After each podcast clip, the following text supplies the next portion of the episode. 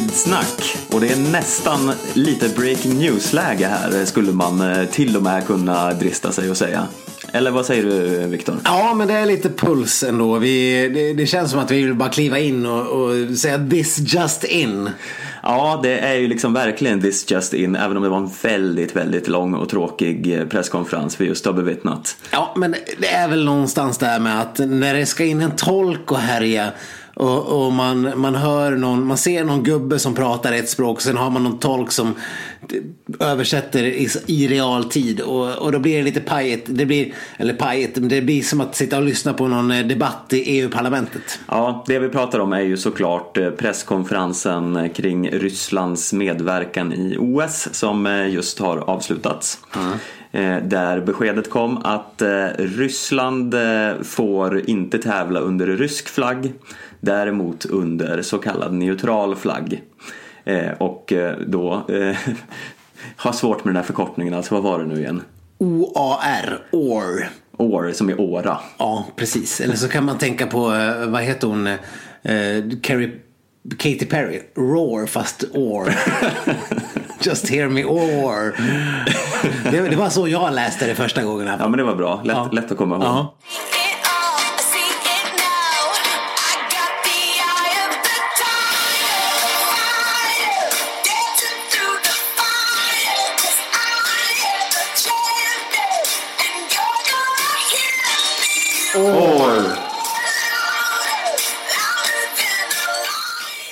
OAR står alltså för Olympic Athlete from Russia.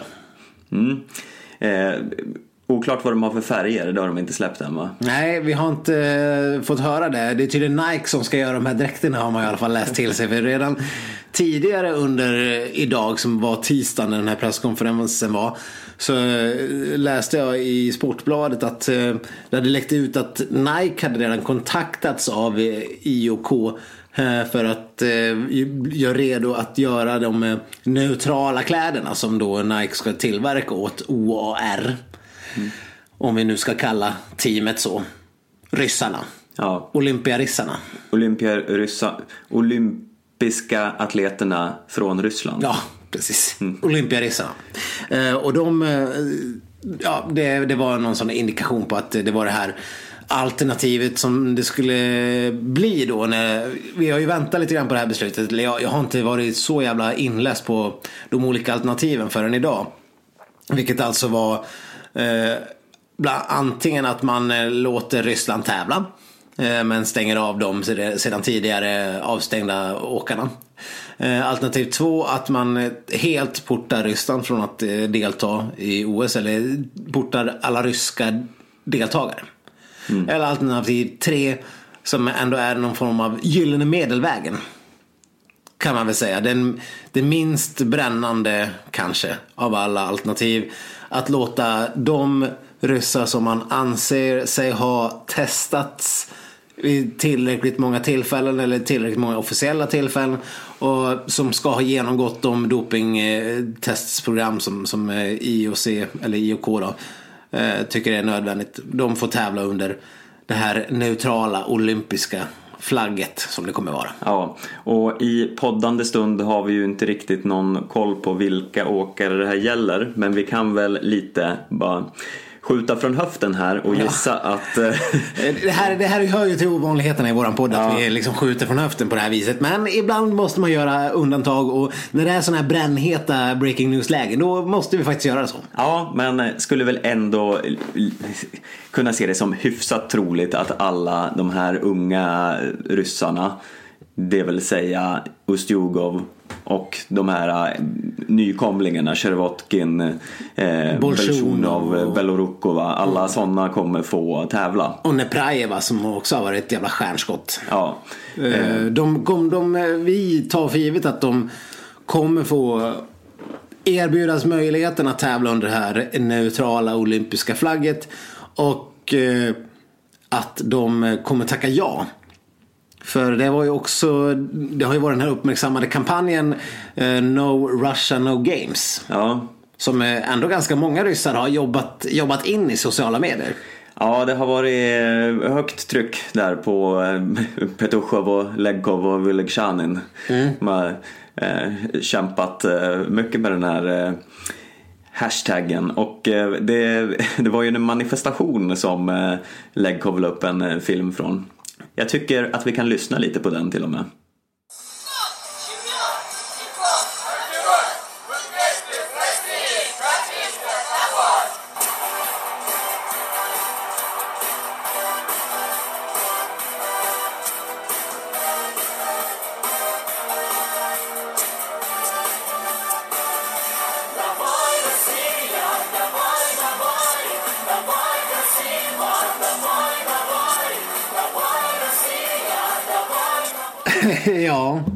Vad ska man säga? Det, det, det lät väldigt ryskt. Väldigt ryskt. Vi vet ju inte riktigt vad de eh, sjöng här och skrålade. Kan det här vara deras bidrag i nästa års Eurovision? Det lät lite Eurovision över det. Visst gjorde det. Det lät ju, lät ju eller så lät det som en sån här rysk parodi. Eller du vet som, eh, vad heter de? Groteskos eh, Rysslands parodi under, ja. under svenska. Tingalin. Tingalin, tingaling, mm. vad svidvidanja Putin. Ja. Men det, det, man får ju inte delta med så politiska bidrag i Eurovision. Just det. Därför vann just Ukraina med en låt om eh, deporteringen av krimtartarer. Men det är liksom bara en, eh, en liten bisats här. Nej, nu är det hårklyverier sista. Men nej, jag måste ge eh, i alla fall eh, fyra äpplen för den där låten. Ja, men eller hur. Men det... Poppigt och glatt. men eh, det verkar inte som att vad man har förstått det så kommer inte den här kampanjen att bära frukt riktigt. För en talesperson från Kreml har någon gång under veckan sagt att man inte, utifall det skulle bli som det nu har blivit, så skulle man inte på något, man skulle inte hindra åkarna eller deltagarna att ställa upp. Eh, men det kan ju vara en sak man säger officiellt och sen får man väl se hur det blir sen. Och hur själva grupptrycket är inom det ryska längdlandslaget eh, och, skidskyttelandslaget och så, sådär. Det har vi ju ingen aning om. Ja, och vad, vad säger Putin om det hela?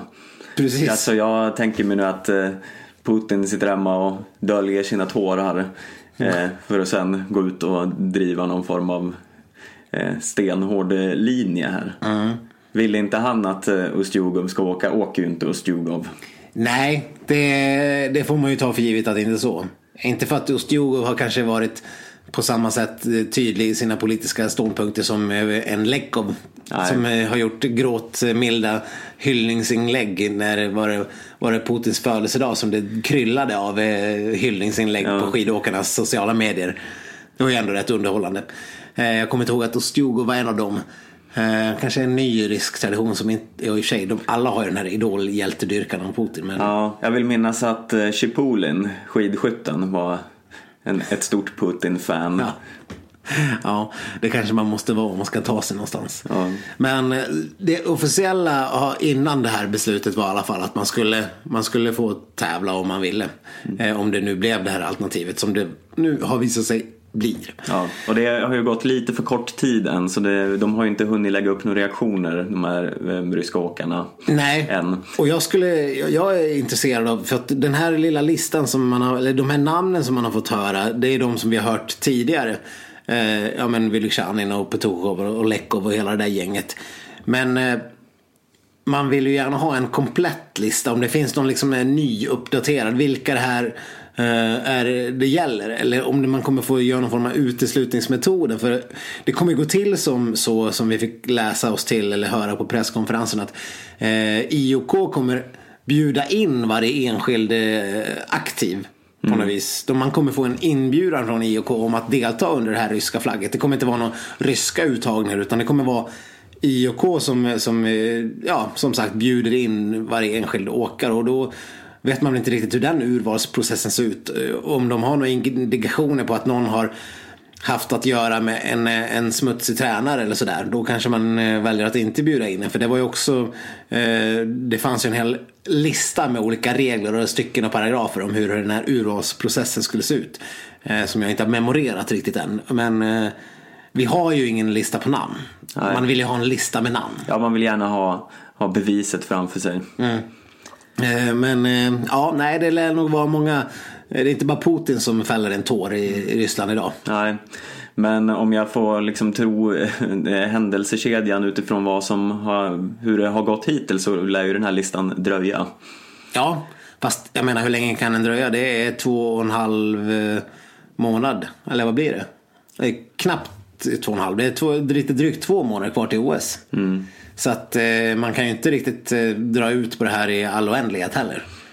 Hur, hur länge ska man kunna vänta på att få ett besked om man ska kunna vara, tävla i OS eller inte? Det, det måste man ju få veta snart. Ja. Nu vet inte jag, eh, det kanske gäller samma sak för svenska OS-truppen. Eh, man får tävla och hålla på så mycket man kan tills det slutgiltiga beskedet kommer. Jag vet inte när OS-truppen brukar tas ut men det är väl det är väl eh, ganska hyfsat nära in på ändå som det sker. Ja.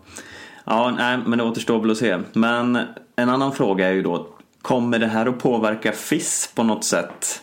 I, eh, som ju i förra veckan beslutade att eh, följa IOKs eh, riktlinjer. Och nu när IOK kommer med det här beslutet, kommer det att påverka FIS på något sätt tror du?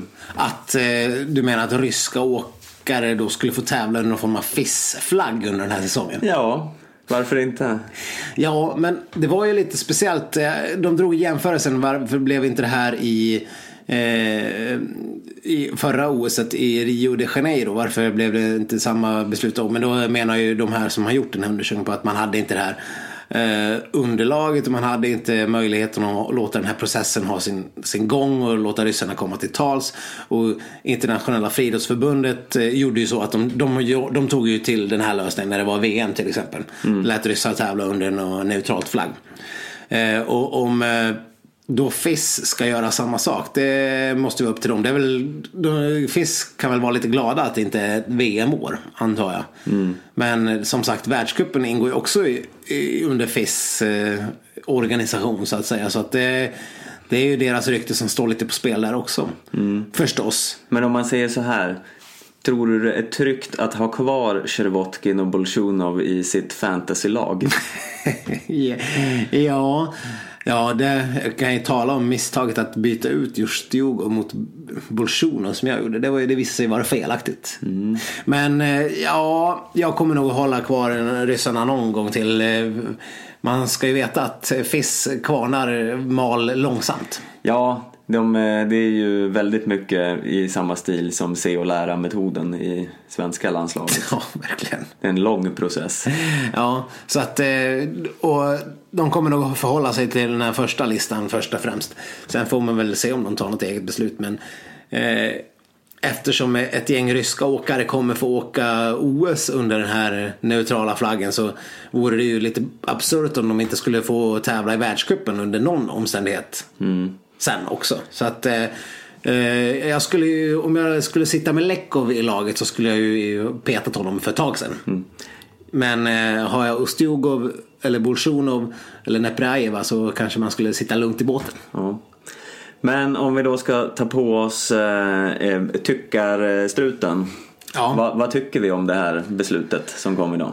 Ja, men det, jag tycker ändå det känns ganska vettigt. Eh, det, nu är det ju så här att jag har ju för det första in, litar inte på någon ryss överhuvudtaget. Eh, och då menar jag inte alla ryssar i världen är onda.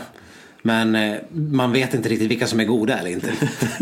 och, och sannolikheten för att träffa på en ond ryss känns mycket större än att träffa på en ond dansk. Mm. Och med ond då menar jag någon som dopar sig. Ja, tur att du reder ut där. ja, jag menar inte liksom en, en random. Nej. Nej, men jag eh, kan väl hålla med. Jag tycker att det hade varit känns lite hårt att eh, porta 19-20-åriga eh, skidåkare från OS som eh, rimligtvis inte kan ha men samtidigt så är de ju fostrade under ett lands flagg och organisation där dopingkulturen sitter uppenbarligen ste så stenhårt in i väggarna att man inte kan släppa det där med att sluta dopa sig. Nej, men därav så är det ju bra med den här kollektiva bestraffningen av landet men inte mm. av åkaren. Absolut, och man ska ju ändå Någonstans är det helt rimligt att man är oskyldig till annat bevisas som i vilket vilket välutvecklat lands lagstiftning som helst. Eller liksom så. Eh, men eh, ja, det är en bra kollektiv bestraffning. Men samtidigt så, ja, Ostjugov tog fem eh, medaljer i förra skid-VM. Och vågar man, skulle jag ta gift på att han, var, han har varit ren under sin karriär? Nej, absolut inte. Jag gör inte det. Det låter, det låter oerhört bra. ja, det är jävla gambling. nej, inte ens om jag hade liksom gift eller 10 miljoner dollar i den andra. Jag skulle inte, nej. Nej. Nej. nej. Det... Om ni där ute ställs inför den, eh, det valet. Uh-huh. Så ta inte giftet. Nej, jag gör inte det. är våran starkaste inrådan. Ja, men verkligen. Sen får man väl bara hoppas att de är rena. Men jag, vad tror, tror du att eh, de har liksom kunnat komma upp och sen klarat sig utan att halka in i det där? Ja, men det är så här, man vet ju heller inte hur den här eh, dopingkulturen ser ut. För de kan ju vara liksom så hårt bara liksom piskade uppifrån att de inte har någonting att säga till om. Mm. Eh, och egentligen kanske, även om de, vi säger att de är dopade, kanske inte alls eh, vill det i grund och botten. Nej, och sen kan det ju vara rätt snävt. Alltså det, vi ska inte liksom heller glömma bort, om man ska sätta i någon form av perspektiv så eh, var ju i princip hela finska landslaget eh, dopade i förra VM i Lahtis eh, 2003. Var det väl? Mm. Eller om det var 2001. Eh, och där var det ju lite så att, eh, eller det var ju på samma sätt där. Alla var ju inte dopade. Där hade ju vissa ingått i, i den här dopningshärvan. Medan mm. andra som också deltog och åkte och, och, var med på läger med de andra i landslaget inte var dopade. Mm. Så att det kan ju mycket väl vara så även i Ryssland. Så att, och det är väl så man hoppas att det är med, med de här ungtupparna och eh, de som har kommit nu på senare år. Att de inte kanske har behövt blanda sig i det här. Nej. Men det, det är ju bara en förhoppning. Och vi får väl se, kanske kommer IOC, IOKC, jag vet, nu blir det att man säger IOC hela tiden bara för att vi har lyssnat på det. Men att deras eh, inbjudningslista kanske kan ge vid handen lite grann om de har ju förhoppningsvis mer kött på benen än vad vi har när vi sitter här och spekulerar. Ja, det får man ju hoppas. ja. Så att man kan ju anta att de som blir inbjudna har ju då genomgått ganska rigorösa och grundliga tester under lång tid. Ja. Och klarat sig. Ja, allt annat vore ju eh, extremt konstigt mm. i den här situationen. Men eh, apropå Finland så det Eh, visst, de har ju gjort eh, upp med sin dopinghistoria lite grann. Men då samtidigt, så här, en eh, sak som eh, kom upp för några månader sedan var ju att eh, Kerttu Niskanen har anlitat den här beryktade dopingtränaren som jag nu har tappat namnet på. Mm, ja. eh, och blev enormt kritiserad för det. Eh, men eh, försvarade sig med ett icke försvarat. Jag eh, bryr mig inte om vad någon säger. Jag har ett upplägg. Folk får tycka vad de vill. Ja, men minnet är ju bra kort där också. Det, det, tog vi väl upp redan förra säsongen när det var just VM i Lahti.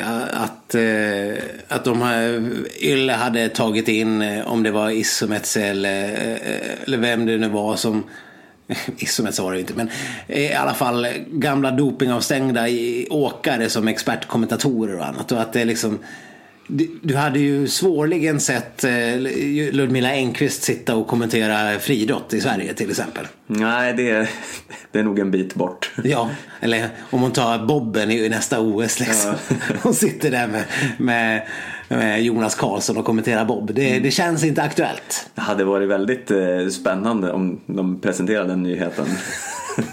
Precis. Ludmila Engqvist. ja. MTGs senaste värvning. Ja. Eller vilka är det som har OS ens? Ja, kanal 5. Ja, kanal 5. Mm. Discovery. Precis. Ja, ja nej, nej det, det, känns långt borta. Mm. I alla fall. Men, eh, men vem vet. Mm. Eh, nej, men så sysslar vi, sånt sysslar vi inte med i Sverige. Men eh, i Finland, det där glömmer man gärna bort. Och det, det är klart, det kan jag förstå. Det där var ju förmodligen den största nationella skammen i modern tid. Mm. När det här uppdagades mitt under brinnande världsmästerskap. Så att, eh, eh, det är väl ett sätt att bara liksom ja, ha kollektiv amnesi. amnesi. Ja. Det jag kommer sakna mest eh, är ju förstås eh, den eh, vackra nationalsången. Ja, alltså det, ja, det kommer ju absolut bli en stor sorg under OS. För eh, oavsett vad man tycker om eh, Ryssland så har de ju eh, den absolut vackraste nationalsången som eh, existerar. Ja, det är ju Utan bara... eh, konkurrens. Det är väl bara den franska som kan vara med och halvt konkurrera. Lite grann. Jag har ju för eh, balansaktens skull även en förkärlek till USA. Men Ah. Den är, den är lite väl pompös.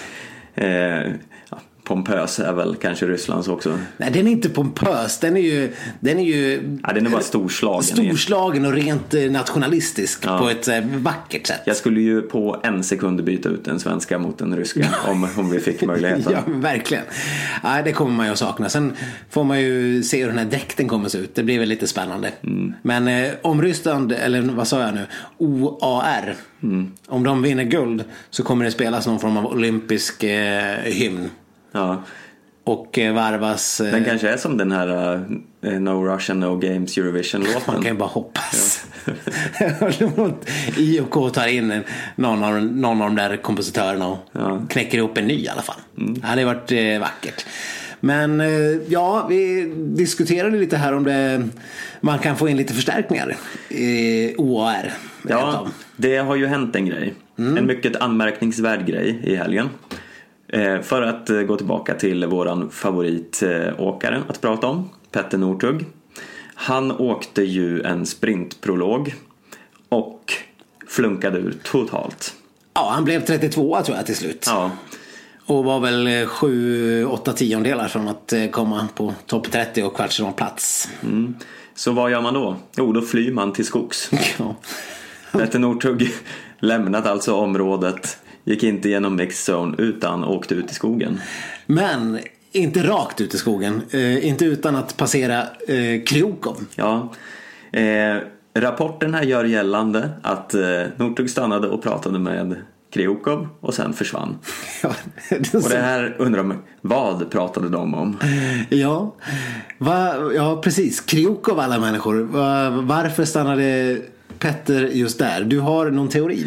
Ja, eh, om man ska kartlägga Northug eh, lite grann, som, eh, som ju jag har gjort, så har ju han visat eh, en väldig Rysslands kärlek på sistone. Eh, Eh, vi vet ju att förra säsongen, som inte var så lysande för Petter, den, han eh, fortsatte ju att tävla ganska länge efter eh, säsongen var slut i så här obskyra lopp runt om. Han var bland annat upp till Island och körde något konstigt lopp. och sen var han i Ryssland en del, inne, liksom djupt inne i Sibirien och åkte lopp tillsammans med en massa ryssar. Och de, eh, jag vill minnas det som att de stod och sjöng jag vet inte om det var Petter som fyllde år att de sjöng eh, eh, Happy birthday. Eller om det var Petter som blev tvingad att sjunga Happy birthday till eh, någon av ryssarna. Det var liksom någon väldigt, väldigt eh, festlig start. där. Men du anar någon form av nära kontakter mellan Petter och eh, ryska skidåkare. Ja, och den förstärks ju eftersom Petter verkar vara den enda skidåkaren utöver ryssarna och eh, Poltoranin som eh, ju typ nästan är ryss. Typ ryss. Eh, som eh, stöttar eh, den här avstängda eh, herrkvartetten. För på alla bilder som Legkov eh, och Petushov och Vylegzjanin och de eh, lägger upp eh, om någon form av orättvisor så kommer en like från Jantelovs håll. Ja, vad, vad kan vi lägga in för värderingar i det då? Att Petter också känner sig lite utstött och, och kanske utmanövrerad ur den norska truppen och kanske känner igen, får lite, lite någon form av syskonkärlek eller vad man ska säga. Eller om han, han känner med de andra som Ja. också blir utstötta nu då.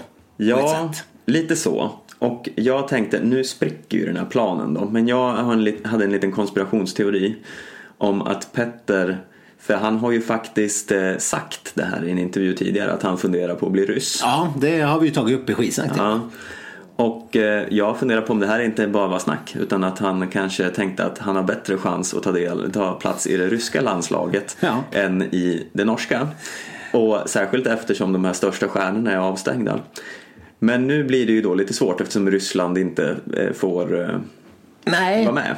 men kan inte... eh, Jag menar, det har ju hänt eh, större underverk i idrottsvärlden tidigare. Att man helt plötsligt eh, erbjuds medborgarskap och här är den här tjommen som tävlar för, för Qatar i handboll helt plötsligt. Men han var ju rumän förra veckan och, och så vidare. Och kanske att man kan se en liten eh, Pe- Petri Nordzug, Nordskukov. Nortuchov. Nortuchov. Som- Petri Nortuchov. Petri Nortuchov som eh, kommer tilldelas eller erbjudas eh, deltagande av eh, IOK Ja. under det neutrala flagget. ja.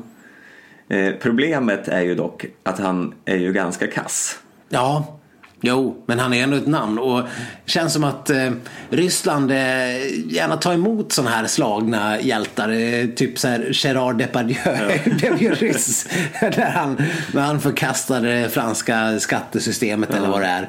Och, och de tar ju gärna emot eh, folk som inte ses med blida ögon på andra. Jag vet inte om jämförelsen med, med Snowden kanske är klockren men den finns ju också där. Men- Han är också ryss nu, eller han bor ju i alla fall där.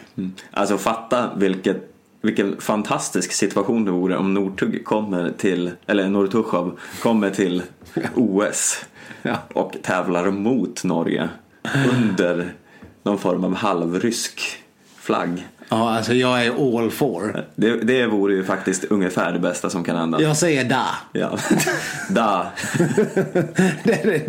da, da. da, da. Ja, nej det hade varit helt fantastiskt. Jag, jag hoppas att Petteri kommer få ett medborgarskap med, med ryska posten. Rykande fort. Eh, Jag hoppas att eh, visumprocessen och medborgarskapsprocessen är lite kortare än vad det vanligtvis verkar vara. Han är ju ändå redan någon form av persona non grata i, i, i Norge. Det har väl eh, Löfshus eh, och, company gjort klart med ganska önskvärd tydlighet tidigare. Eh, även om de kanske skulle ändra sig om han helt plötsligt skulle bli bra. Men det har man ju lite grann svårt att se när, när han är så extremt dålig som han har varit. Under väldigt lång tid dessutom. Ja, Till och med Even tog ju sig vidare till kvartsfinalen. För i helvete, det måste ha svidit lite grann. Mm. Man undrar ju också, för hela den här eh, stafettdiskussionen har det ju snackats om att, det är, att Krog är en så mycket pålitligare sista sträcka än Northug. Men han har ju faktiskt också varit totalkass hittills. Ja, verkligen underpresterat. Och nu det såg jag också någon diskussion om att nu kanske Kläbo har seglat upp som en favorit att ta eh, ankarsträckan som de kallar det. Eh, inte minst med tanke på hans eh, framfart även i distansspåren. Han är inte bara snabb utan han kan även spurtslå Sundby. Alltså den, den spurten var ju något, något av det grisigaste jag sett. Hur gick det ens till? Parkert. Sundby parkert. Fast han var ju klar, han hade ju redan vunnit. Jag fattar, jag, jag förstod inte hur det gick till. Nej, men det. Det var som att se Petter Northug 23. Eller när han nu var som bäst. Ja. Nej men vi var ju inne på det här redan förra veckan att eh, det, Kläbo är nog eh, helt plötsligt eh, dominant här. Ja. Det finns ju inget han inte verkar kunna göra. Han kan hänga med, han kan eh, ta ikapp, han kan spurta ifrån, han kan springa ifrån. Han, han gör liksom allt. Ja, nej precis. När vi mässade om det här loppet, eh, massstarten, eh, skiathlonen. Eller skiathlonen. De, Mattias Fredriksson sa faktiskt skiathlonen. Det blev jag lite glad över. Ja, kul. men i alla fall så tänkte man att ja men nu eller jag skrev till dig att ja men det här är bra för det kommer ju bevisa visa de andra åkarna att man inte kan eh, bedriva massstart på det här viset med Kläbo. Men Han kroknade ju mot slutet. Det syntes ju tydligt att han inte hade så mycket ork kvar. Hade det varit, kommit in några mer stickspurtar mot, mot slutet så hade han kanske fått släppa helt. Eh, så det här kanske är ett tecken på att eh, man kan inte åka massstart så här utan man måste, man måste långspurta eller rycka alla Johan Olsson. Eh, tänkte jag förnumstigt att det är så man måste göra. Men å andra sidan, det var ju inget som världstoppen lärde sig under de tio år som Petter Northug var eh, överlägsen i alla massstarter. Nej, nej, jag tror inte att man någonsin lär sig egentligen. Återgår till gamla synder. Ja, nej det är ju uppenbarligen så. Det kommer ju alla inse att ingen kommer någonsin vilja ha med sig Kläbo inom tre kilometer av ett målsnöre. Nej. I något lopp. Så är det bara. Så att eh, vi får väl se om, eh, om de kan, eh, om framförallt de svenska. Det var ju ändå kul att se lite så här Rickardsson och Hellner igen var, var hyfsat pigga där. Lite kul. Ja, åtminstone ett tag. Ett tag. Sen, sen föll de in i gamla svikande banor igen. ja, men, ja, nej, men som sagt, ja, det, särskilt Rickardsson känner jag var lite, lite fint att se där framme igen. Ja, men han såg ju imponerande ut mm. på något vis. Men, ja, nej, man vet aldrig. Han kan, han kan eh, slå till med på med en bra säsong. Mm. Mer oroväckande skulle jag vilja säga är vad som hände med Jens Burman. Ja, herregud. Han var... Jag såg inte vad det blev till slut men han var ju över fem minuter efter eh, någonstans där under loppet. Och det måste väl ha blivit något sånt när de väl kommer i mål. Och här pratar vi om eh, mannen som skulle vara våran nästa storåkare. Ja, och han eh, sägs ju ha tränat så oerhört mycket och bra och man får ju verkligen hoppas att det här är en extremt försenad eh, eh formkurva. Att ja. den kommer att gå spikrakt uppåt. Ja, det, det, kanske, det kanske är precis enligt plan. Det, han, han, bara, han läser resultattavlan efteråt och njuter går igång på resultattavlan och tänker att det, jag, jag är precis det jag vill vara i den här delen av säsongen. Gud vad bra, precis så här nedtränad vill jag vara. Ja. Ja, han hade inte nöjt sig med, med tre minuter efter utan det skulle vara fem. Mm. För att känna att han ligger i fas med sin träning. Men det tror ju inte jag. Det känns ju helt orimligt att man ska kunna vända något sånt där. Men som sagt, det är bara att gå till gamla Brink omvandlingen från stafetten till femmilen. Det, kan, det går fort i hockey. Ja. Eh, kanske tandkrämen som ligger kvar och spökar i, i magen också. Det kan man hoppas att det är något sånt. Ja, om vi ska rikta blickarna mot en annan svensk som inte levererar.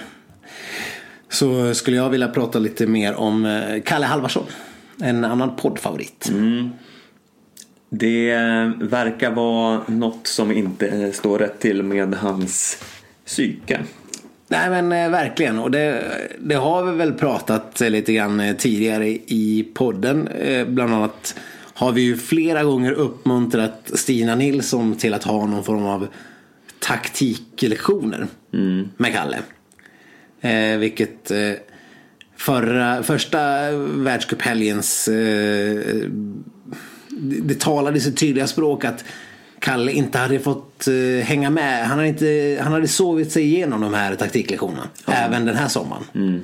För att han, uh, han körde ju taktiskt uh, helt uh, vansinnigt när han la sig dö sist. Och sen lyckades ändå ta sig till final på något mirakulöst sätt för att han var väldigt stark. Mm. Och så. Eh, eh, gott så, det är väl alltid kul. Men han, han har ju gång på gång på gång och i stafetter gång efter annan när han har blivit nedpsykad av Petter Northug så, ja, så kör han ju så extremt dumt och otaktiskt. Och eh, man har lite svårt att förstå hur en professionell skidåkare kan missa en sån stor del av sin sport. Vilket ändå är. Nu är inte liksom eh, skidåkning eh, taktik på samma sak som kanske en lagidrott. Fotboll och sådär kanske är mer upphängd på taktik. Men det finns ju en hel dos eh, taktik i skidåkning, eller hur? Ja, absolut. Och jag vet inte, jag tycker inte det här enbart gäller sprint. Utan eh, det känns som att han lägger upp sina distanslopp väldigt märkligt också. Att han får göra en massa onödigt extra jobb genom att han han halkar efter vid konstiga lägen och ligger och skvalpar emellan och ligger inte riktigt med någon grupp och sen ska äta i kapp och halka mm. ner igen. Han har liksom ingen eh, Nej men precis, man hör, ju, man hör ju ofta hur de berömmer åkare som, som hänger med i de här tunga delarna och sen drar på när det går lätt. Liksom, mm. och, och, tar, eh, alltså ökar tempot för att liksom, man vet att man kan vara stark i de lättare partierna eller att det kan vara mer att man kan ja, tjäna, tjäna tid och ork på att, eh, att åka fortare där och sen bara försöka bita sig i de här eh, tyngre partierna. Och, eh, men Kalle funkar ju inte så. Han kan ju, han kan ju tak, otaktiskt lägga sig en bit efter inför en uppförsbacke när han kanske skulle behöva lägga dikt an mot en rygg och sådär. Och så tappar mm. han och sen, sen blir det bara jobbigt. Och sen, det här, det här jag hatar åh, det mest av allt när jag ser Kalle, och det var väl även i det här individuella startloppet första världscuphelgen. När man ser honom åka och kolla bakåt. Mm. Och det är det värsta jag vet. Vi har väl pratat om den här stödkragen ganska mycket. Ja. Eller så har vi bara pratat om den internt. Men han borde ju få någon form av stödkrage. Ja, precis. Som gör att han inte kan titta bakåt. Eller sådana här skygglappar som de ja. har på travhästar. Mm. Så, som gör att man bara ser rakt fram. Att det, går, det är ingen mening att böja huvudet för att du ser ingenting ändå. Du ser liksom, du har vinkeln på ungefär så mycket som du kan vrida ditt huvud och det är allt du har. Mm. Skidskyttar brukar ju sätta någon form av liten flärp på glasögonen eller vad det nu är. Så att de inte ska få in något konstigt ljus eller något på skyttevallen. Kan vi inte be någon på Bliss designa någon, någon form av skidglasögon med en sån här uppfällbara bara skygglappar som man bara kan fälla ut. Ungefär som du vet sådana här gamla, gamla gubbar. Min farfar till exempel hade, hade glasögon där man kunde fälla ner en liten solglasögon. Eh, ja men precis, det, ja, men det känner jag igen. Ja, som, mm. man, som man fällde ner som en, som en liten fönsterlucka av något ja. slag. Eller sånt. Men här så på de här Bliss-glasögonen som eh, vi är inte sponsrade av Bliss förut.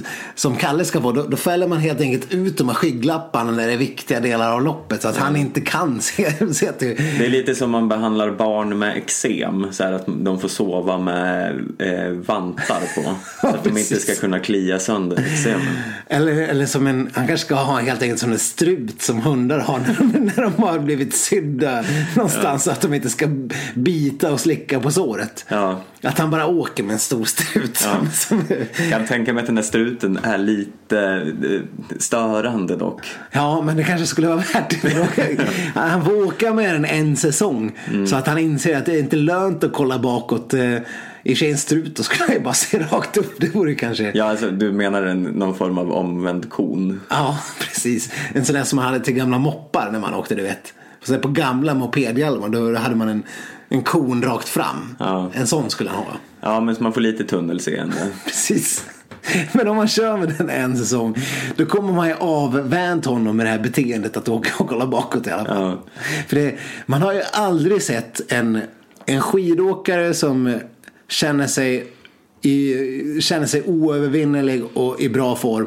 Och fantastiskt. De åker inte och kollar bakåt. De kollar ju framåt, vart de ska. Sen kanske de förlitar sig på tiderna och, och den positiva feedbacken man får. Men åker inte och liksom, ja, vi kallade ju, vem var det vi kallade för den eh, modiga lilla grisen? Martin Fourcade. Just det, Martin den modiga lilla grisen. Kalle är ju den skotträdda lilla chihuahuan. Mm. För att han är ju så otroligt orolig för allt och måste åka och kolla sig bakåt. Och vid minsta lilla motgång, som då när man hör ett skott i chihuahuans eh, situation, då knäcks hans psyke totalt. Vadå i chihuahuans situation? Ja men om du hör ett, en skotträdd chihuahua, om, du, om det smäller en raket där. Ja. Då kurar det ihop och skakar som ett asplöv. Ja. Precis så reagerar ju Kalle när han märker att eh, han eh, tappar. Som de här tv-bilderna i uppförsbacken eh, på loppet från i helgen. Mm. När han eh, märker att eh, det här går inget bra. Och i uppförsbacken då, då, då, tror man att men det är ju något fel. Han är ju paralyserad. Han står ju still. Mm. Han, står ju, han står ju och skakar i spåren. Och bara skakar uppgivet på huvudet. Alltså som, som att eh, något traumatiskt skulle ha inträffat. Mm. Men sen åker han helt plötsligt som vanligt. Så. Ja, mm. men det är ju den här initiala chocken som eh, det måste ha någonting med hans psyke att göra. Att, eh, det, han, han har inte mentaliteten. Han, han har det bara inte. Kan han, han få någon form av så här eh, headset som spelar valljud eller någonting? ja, precis. Skulle det kunna vara eller jag vet inte, det behöver kanske inte vara valljud men något Nej. i den stilen. Ja, ja men precis. Undervattensmusik eh, eller, mm. eller han kanske kan bara få höra Dana Dragomir. Mm. Som vi pratade om i någon tidigare podd. Eh, Jag tror inte vi har pratat om henne i en podd. Jag Ja, tror men- att det här har skett utanför podd. Ja, ja, ja, ja nej. Men, eh, Panflöjtsdrottningen helt enkelt. Jag tror att alltså, Dana Dragomir spelar eh, Men alltså skulle du åka bättre av att höra panflöjt i öronen? Nej, men jag tror att Kalle Halvarsson skulle åka bättre av att höra panflöjt. För att han skulle liksom kanske hamna i ett mer meditativt tillstånd. Ja. Om man fick höra, eh, when, eh, vad heter den här Titanic-låten? Eh, My heart will, My go, heart on. will go on på panflöjt. Precis. Om man bara fick höra den. Eller den här Bröderna Lejonhjärta. Eller Mio min Mio är det hon brukar spela. Mm. Mio min Mio och My heart will go on. På repeat på panflöjt. Det tror jag, att, det tror jag hade varit liksom eh, gyllene biljetten för Kalles framgång. Det tillsammans med den här aktionen. Precis. Det, det, det här är ju så enkla knep att ta till känner man. Att eh, det är obegripligt att inte landslagsdelen har börjat med det tidigare. Ja, ja, men om ni hör det här, landslagsledningen, så eh, vi tänker inte copyrighta det här på något sätt. Det är bara liksom snor den här Ja. idén. Det, den, är, den är fri att ta. Ja, och vi kan till och med åta oss att klippa ihop ett kassettband där man varvar My Heart Will Go On och eh, Mio Min Mio. Eh, Alltså ja. vi kan väl till och med kanske fixa en playlist. Det måste väl finnas Ja, precis. sån pass utvecklad teknik Ja, i det här ja. laget. Ja, precis. Det finns kanske på Spotify. nu. Ja. De kanske kan lösa det. Vi kan sätta upp playlisten där vi varvar de två låtarna och skicka över. Så ni har den i typ så tre timmar eller hur länge man kan behöva det på en fem mil kanske. Eh, där kommer vi i så fall se Kalles karriär ta en ny fart. Spännande. Ja men eh, ett kärt ämne som vi också återkommer till tydligen i varje Det podd. låter lite grann som att vi återkommer till kära ämnen ganska ofta i den här podden. Ja, jo men det gör vi ju. Det är därför alla, kallas alla kära ämnen är ju inte kära. Nej. Som eh, rysk doping är ju kanske inte så kärt. Nej. Mer än eh, pliktrapportering. Men det är lite grann som att eh, de behöver inte lyssna på någon ny podd. De kan bara ta podden för tio veckor sedan. Så är det ungefär samma ämnen som eh, dryftas. Ja, för det här är ju exakt samma. Ja. Eh, vi, vi pratar eh, om Charlotte Kalla såklart och Ja. hennes briljanta säsong so far. Och det är väl ändå four of four for four för den här säsongen. Att prata om eh, Kallas eh, fina form. Ja, det har vi väl gjort varje gång. Och, eh, men målet måste ändå vara att vi ska kunna prata om det här resten av säsongen också lite grann. Ja, ja men vi får hoppas det. För nu har hon ju visat att hon kan hänga av ytterligare en norska. Ja, och det är ju nästan... Jag vet inte om det var mer imponerande. Nej, det kan det inte riktigt vara. Men det var ju ändå stort. Li, nästan lika stort som att se. Det är alltid en, en dimension att se någon hänga av Björgen. Ja, men, men- nu gav ju det här beviset på att Björgen är inte riktigt samma gamla Björgen. Men det här är ändå personen som anses, får man väl tycka nu, den näst bästa skidåkaren i världen eh, när Björgen inte är i form. Ja, för eh, ja, precis som du säger, att hon hänger av Björgen skulle ju kunna vara för att Björgen är i oform. Men att sen hon och Weng rycker ifrån hela fältet och sen Kalla bara liksom eh, piskar Weng utan dess like. Hon blev paket. Ja, det bevisar ju då antingen att inte heller Weng är i form, vilket jag inte på något sätt tror. Nej, Weng är ju alltid i form. Ja. Det är ju det, är det som är Weng. Hon har ju ingen... Hon, hon kan ju inte vara 37 i ett. Nej. Hon är ju sjua som sämst. Och så har det alltid varit. Vi hade ju den här följetongen eh, ganska länge om när ska Weng vinna ens. Ja, Hon, eh, hon eh, halkade på målsnöret och åkte fel och det var liksom, eh, man tyckte synd om henne. Ända tills man upptäckte vilken extremt osympatisk person hon verkligen var. ja. När man inte alls tyckte synd om henne längre. När man märkte att hon var skidvärldens eh, minst om... Ja, eller minst sympatiska... eh, Min sympatiska norska Ja, åtminstone. ja okej visst de här dop, dopryssarna kanske är min... Nej, nej. Det har, det har ingenting med sympatisk att göra. De är ju bara lite tävlingsinriktade. Hon är ju bara Ja, ja. osympatisk. Vi kan väl eh, för att vara lite diplomatiska säga att Weng är inte våran eh, största favorit. Hon är ingen sköning. Nej. Men nu känns det ju lite så att för alla slår ju på stora trumman nu att eh, vem ska kunna bräcka Kalla och lite så känner man ju i nuläget för, Absolut. för hon slår Björgen och Weng på samma sätt genom bara en superattack som inte går att svara på och är helt överlägsen. Och jag menar andra tidigare säsonger så har man ju vetat att ja men Kalla blir ju som bäst fyra. Ja. För Björgen, Weng och antingen Östberg eller Jakobsen eller Haga eller någon annan norska. Jävla Hashem eller vem fan Ja, som helst. det, liksom, det finns alltid tre norsker. Eventuellt någon Jessica Diggins eller någon, någon annan sån här som är lite jojo eh, formmässigt. Som kommer vara före. Men nu känns det ju som att vem fan eh, är på hennes nivå? Nej, nej hon är ju på en, på en egen nivå på ett sätt som är, hon inte har varit förut. Utan som Johaug har varit förut och Björgen har varit förut. Men ingen annan har varit där riktigt förut. Nej. Eh, och det är ju svårt att se. Ja, sen Parmakoski börjar ju liksom likna någonting också. Hon, hon, kommer säkert, hon kommer säkert kunna vinna vilken distans som helst. Men när vi börjar liksom ändå få upp den här förhoppningen och så läser vi i Sportbladet. Bland annat. Bland det har annat. varit på eh, flera krönikörshåll. Ja, eh, men en person vi gillar väldigt mycket är ju Malin Wahlberg på Sportbladet.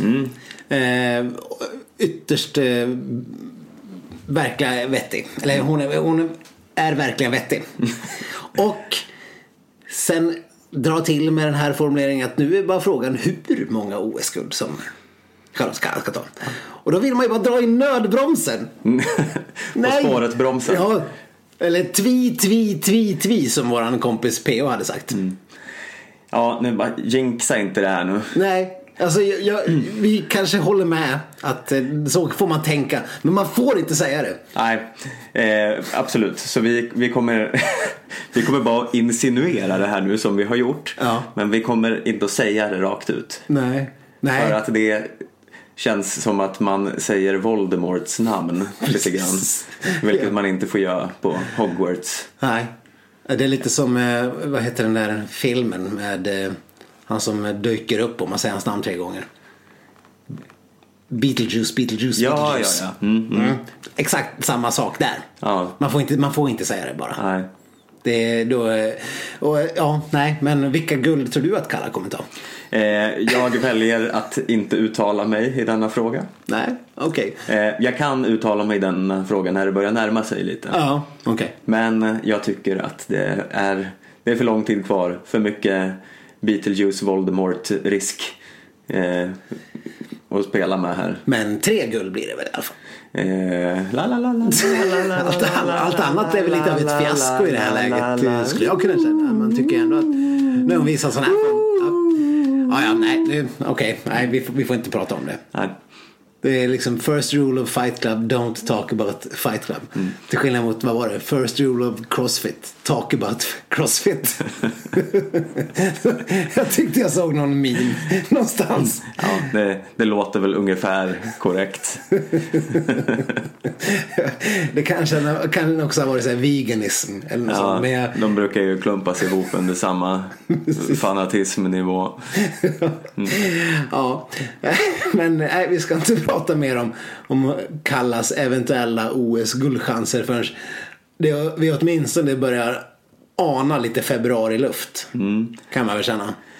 Nej precis. Nu eh, vi kan vi ju bara liksom rikta blicken mot nästa helg då vi ska ner till Davos. Svenskarnas favoritplats på jorden. Ska vi ner till Davos? Eh, ja, jag har inte berättat det. Jag har bokat biljetter. Vad nice! Det här hade jag ingen aning om. Det här mina damer och herrar kommer som en eh, total överraskning eh, Stefan. Jag är, jag är glad och ja, tårögd nästan. Vi ska bo hemma hos Anna Hag och Emil Jönsson i deras hus. Där Det blir bara Davos. bättre och bättre. Svulla pizza och godis hela dagarna. Ja, bara mysa. Precis. Har de ett hus i Davos? Ja, de har ju någon form av, de, de kanske hyr in sig i något hus. Ja, ja. Men de, de har något de brukar bo i där. Ja, kul. Ja, nej men det, det blir ju intressant. Ja. Nya tävlingar där. För då är det väl, om jag inte missminner mig, en sån här 15 kilometer fritt. Ja, 15 och 10 kilometer fritt. precis. Och en fristils... Eh, eh, sprint också. Ja, men eh, 10 km fritt individuell start. Mm. Låter ju som något för Charlotte Kalla. Ja, absolut. Eh, vi, Även om allt är för Charlotte Kalla just nu. Precis, inte, inte sprint då. Hon har inte åkt så jävla mycket sprint. Men i och för sig, hon åkte i första helgen och det gick bra. Men eh, absolut, det blir ju ännu en värdemätare. Vi får väl se. Eh, vi ska väl bara passa på att nämna innan vi rundar av att ni har ju hörsammat våran uppmaning från förra veckan, många av er. Ja, vi pratade ju om att eh, man ska pimpa sina namn i fantasyligan. Och det, det har ni ju gjort. Ja, jättemånga har klivit in och bytt för att eh, kanske sträva efter det här nyutsatta. Det, är liksom, det bara som kom från ingenstans att vi införde någon form av namnpris. Ja, plötsligt. hederspris. Jag tycker att vi kan sträcka oss så långt nu som att vi eh, listar en eh, topp fem. Ja, ska vi direkt? Nej, inte, inte nu, men när säsongen är slut. Ja, ja, absolut. Men vi kan, väl, vi kan väl ändå på sin plats att nämna några av de här namnbytta, bytta namnen. Ja, eller ny, nytillkomna lagen. Ja. Eh, Vi har bland annat lag Kalla Falla Kalla. Ja, ja, det är ju fint att ni lyssnar på oss och använder referenser till eh, podden. Ja, det, det blir ju det blir lite extra äpple på bara, bara sådana saker. Ja, men jag, jag, jag har ju lite förkärlek för Inge Glidvild Flugstö Östberg. Ja, ja, ja, ja, ingen glidvild. Ja, nej, den är, den är fantastisk. Det får man ändå säga. Eh, vi har ju en ingen glid redan som vi läste upp förra veckan. Men den här, den här toppar ju Ja, den lite grann. Eh, och eh, Jörgen Björgen kanske vi nämnde förra veckan. eh, Squadra de Hemohes. Ja, den, ja, den är fortfarande en, en, en riktig härling. Eller fortfarande, det är en fantastisk. Men den här... Björgens förhyrda p-plats. Ja. Också. Den är, den är svårbegriplig men rolig. Hon är ju parkett. Björgens förhyrda p-plats. Ja, ja, nu fattar jag. Ja. Ja. det var ju jätteroligt. Ja, det är bra. Eh, fortsätt att eh, byta namn och eh, fortsätt att eh, för all del gå med i ligan. Det är ju aldrig för sent att eh, gå med och vinna ett namnpris om inte annat. Nej. Eh, men eh, då eh, kan vi ju med det tacka för oss för denna vecka. Ja, verkligen. Se vad som händer i Ryssland och världen till nästa gång. Men så länge så får ni surfa in på Skidsnack. Facebook, Instagram, Twitter. Där vi i och för sig inte uppdaterat sen förra säsongen. Men vi kanske gör det den här veckan. Om Jag skrev faktiskt någon tweet där för några veckor sedan. Jaha, det, var- det. Det är ja. jag som inte har varit inne. Ja, ja. Eh, Och så kan ni ju såklart mejla alla, alla önskemål eller samtalsämnen som ni vill höra till skidsnack.gmail.com eller bara allmänna synpunkter förstås. Så eh, försöker vi svara där. Eh, och eh, lämna gärna en recension på iTunes om ni gillar det ni hör. Vi hörs nästa vecka. Hej då!